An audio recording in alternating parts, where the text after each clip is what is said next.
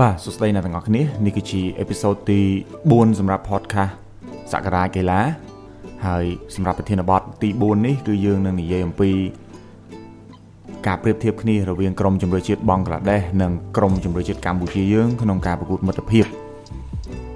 ដែលធ្វើឡើងនៅថ្ងៃទី15ស្អែកនេះហើយ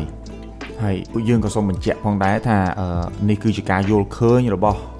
ក្រុមការងារ បាទទាំងមូលតែម្ដងមិនមែនជាអ្នកជំនាញអីណាណាទេបាទបញ្ជាក់ដូចជាបញ្ជាក់គ្រប់អេពីសូតរបស់យើងតែម្ដងគឺថាយើងធ្វើការតាក់ទងនឹងបាល់ទាត់ក៏ដូចជាធ្វើព័ត៌មាននេះគឺដើម្បីបញ្ជ្រាបចំណេះដឹងជូនបងប្អូនហើយសង្ឃឹមថាបងប្អូននឹងពេញចិត្តកុំឲ្យខាតពេលយូរយើងចូលដល់ប្រធានបទតែម្ដងទៅយើងមកដឹងអំពីសមាជិកក្រុមជម្រើសជាតិបង់ក្លាដេសនិងក្រុមជម្រើសជាតិកម្ពុជាមុននឹងការប្រកួតថ្ងៃ15មកដល់នៅស្អែកនេះ ការប្រកួតមិត្តភាពរវាងក្រុមជម្រើសជាតិកម្ពុជានិងបង់ក្លាដេសនឹងធ្វើឡើងនៅថ្ងៃទី15ម៉ោង7យប់នៅពហុកីឡដ្ឋានជាតិអូឡ িম্প ិកហើយជំវិញនឹងការរៀបចំខ្លួនរបស់ក្រុមទាំងពីរគឺធ្វើបានល្អមែនទែនខណៈដែលយើងមើលពីសមាជិកភាពរបស់ក្រុមទាំងពីរឆ្លងកាត់ការប្រកួតជាមួយគ្នាចំនួន5លើកចុងក្រោយដោយការប្រកួតចុងក្រោយបង្អស់គឺនៅឆ្នាំ2022ដែលកម្ពុជាបានចាញ់បង់ក្លាដេសជាមួយលទ្ធផល1ទល់នឹង0ក្នុងការប្រកួតមិត្តភាព ហើយនៅឆ្នាំ2019កម្ពុជាយើងចាញ់បង់ក្លាដេស1ទល់នឹង0ដែរសម្រាប់ការប្រកួតមិត្តភាព នៅឆ្នាំ2009ក៏យើងចាញ់1-0ដែរនៅការប្រកួតមិត្តភាពចំណែកឯនៅឆ្នាំ2007ការប្រកួតនៅ Nehru Cup ដែលការប្រកួតនោះកម្ពុជាជាមួយនឹងបង់ក្លាដេសគឺបានត្រឹមស្មើគ្នា1ទល់នឹង1និងនៅឆ្នាំ2006ការប្រកួត AFC Challenge Cup កម្ពុជាបានចាញ់បង់ក្លាដេស2ទល់នឹង1 ដូច្នេះឆ្លងកាត់ការប្រកួតចំនួន5លើកជាមួយគ្នានេះកម្ពុជាមិនទាន់ស្គាល់ពាក្យថាឈ្នះទេទៅលើបង់ក្លាដេសតែភាគច្រើនគឺយើងចាញ់បង់ក្លាដេស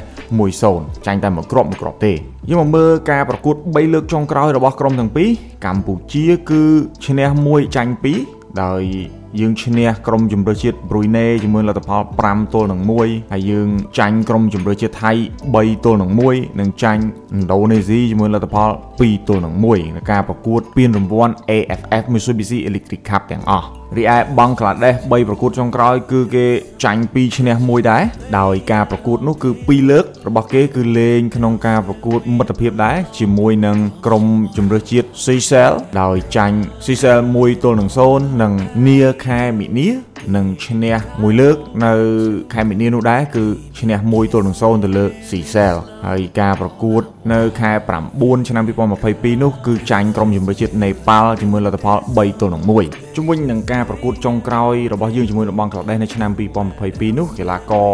មួយរូបគត់របស់បង់ក្លាដេសដែលទាត់ចូលយើងគឺកីឡាករពាក់អាវលេខ11រ៉ាគីប ហ៊ូសែនដែលពេលនោះគេទាត់ចូលនៅនាទីទី23ហើយនៅពេលនេះក៏គេមានវត្តមានក្នុងក្រុមជម្រើសជាតិបង់ក្លាដេសដែរសម្រាប់ទម្រង់លេងរបស់ក្រុមទាំងពីរដោយក្រុមជម្រើសជាតិបង់ក្លាដេសមានការដឹកនាំដោយលោក Javier Cabrera គាត់លេងទម្រង់4-3-3ហើយកម្ពុជាយើងអាចថាយើងមិនទាន់ដឹងច្បាស់នៅឡើយទេសម្រាប់លោក Felix Damas ដែលជាគ្រូបង្វឹកទៅតែត្រឡប់មកវិញនេះប៉ុន្តែបើតាមយើងមើលទម្រង់លេងពីមុនមកគឺកម្ពុជាលេងទម្រង់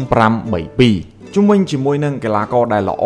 របស់ក្រុមទាំងពីរសម្រាប់កម្ពុជាយើងគិតថាខ្សែការពារគឺជួនច័ន្ទចៅហើយមកដល់ពេលនេះហើយតំបន់កណ្ដាលគឺអនច័ន្ទប៉ូលីនរបស់ភ្នំពេញក្រោននិងប្រយុទ្ធគឺកីឡាករដែលចាស់វស្សានឹងត្រឡប់មកជម្រើសជាតិវិញនិងមានជំនឿចិត្តពីបងប្អូនអ្នកគ្រប់គ្រងមែនទែននោះច័ន្ទវឌ្ឍនាការដូច្នេះជួនច័ន្ទចៅអនច័ន្ទប៉ូលីននិងច័ន្ទវឌ្ឍនាការគឺជាកីឡាករដែលអាចថាលេចធ្លោសម្រាប់ក្រុមជម្រើសជាតិកម្ពុជាចំណែកឯបង់ក្លាដេសវិញគឺមានកីឡាករល្អល្អ3រូបដែលយើងគួរចាប់អារម្មណ៍ពី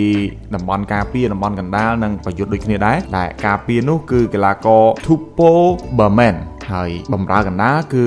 ប្រធានក្រុមតែម្ដងកីឡាករ Jamal Buyan សម្រាប់ខ្សែប្រយុទ្ធវិញគឺកីឡាករមានវ័យ25ឆ្នាំរូគេគឺមានឈ្មោះថា Mohamed Ibrahim ដែលជាកីឡាករដែលកំពុងតែឡើងជើងសម្រាប់ក្រុមជម្រើសជាតិបង់ក្លាដេស គោរំលឹកផងដែរថាការរៀបចំរបស់បង់ក្លាដេសគឺមកប្រទេសកម្ពុជាយើងតាំងពីថ្ងៃទី11ខែមិថុនាឆ្នាំ2023នេះដូច្នេះមានន័យថាគេមានការរៀបចំល្អគួរសមដែរដែលមុនការប្រកួតមកដល់គេមក 4ថ្ងៃឯណោះសម្រាប់ការរៀបចំជាមួយនឹងការត្រៀមខ្លួនសម្របខ្លួនជាមួយនឹងអាកាសធាតុក្នុងការប្រកួតមិត្តភាពនេះសម្រាប់ពួកយើងយល់ឃើញថាក្រុមជម្រើសជាតិកម្ពុជាយើងបើទោះបីជាមិនទាន់យកឈ្នះក្រុមបង់ក្លាដេសសម្រាប់5ប្រកួតចុងក្រោយមែនប៉ុន្តែយើងចាញ់គេតែមួយគ្រាប់មួយគ្រាប់ទេសង្ឃឹមថាការប្រកួតនេះកម្ពុជាយើងនឹងធ្វើបានល្អជាមួយនឹងការយល់ចិត្តគ្នារបស់កីឡាករទាំងចាស់ទាំងថ្មីត្រឡប់មកវិញនេះហើយ យើងនៅតែជឿថាកម្ពុជានឹងធ្វើបានល្អនៅមុខអ្នកគ្រប់គ្រងច្រើនម៉ឺនអ្នកនៅពហុកីឡដ្ឋានជាតិអូឡ িম্প ពិកខណៈដែលសម្បត្តិដែលដាក់លក់នោះគឺអស់ហើយបាទដូច្នេះសម្រាប់ podcast ទី4ដែលយើងនិយាយអំពីក្រមជម្រើសជាតិកម្ពុជាប្រៀបធៀបគ្នាជាមួយនឹងក្រមជម្រើសជាតិបង់ក្លាដេសនេះគឺបានបញ្ចប់ហើយហើយសង្ឃឹមថាបងប្អូននឹងទៅចូលរួមទស្សនាបានច្រើនកកកដើម្បីលើកទឹកចិត្តក្រមជម្រើសជាតិកម្ពុជាយើងក៏ដូចជា យល់ឃើញយ៉ាងណាពីការលេងរបស់ក្រមជម្រើសជាតិកម្ពុជានិងបង់ក្លាដេសអាចទម្លាក់ក្នុង comment បានហើយសម្រាប់ប្រធានបទបន្តបន្ទាប់បងប្អូនក៏អាចផ្ដល់យោបល់មកកាន់ក្រុមការងារយើងដែរដើម្បីធ្វើការវែកញែកបន្តទៀតហើយសង្ឃឹមថាបងប្អូនពេញចិត្តជាមួយនឹងសក្តារ podcast បើទោះបីជារៀងវែងបន្តិចប៉ុន្តែសង្ឃឹមថាបងប្អូននឹងបន្តការចែករំលែកបន្ថែមទៀតជុំវិញនឹងបាល់ទាត់កម្ពុជាយើង Let's just chill in the song Let's just lay here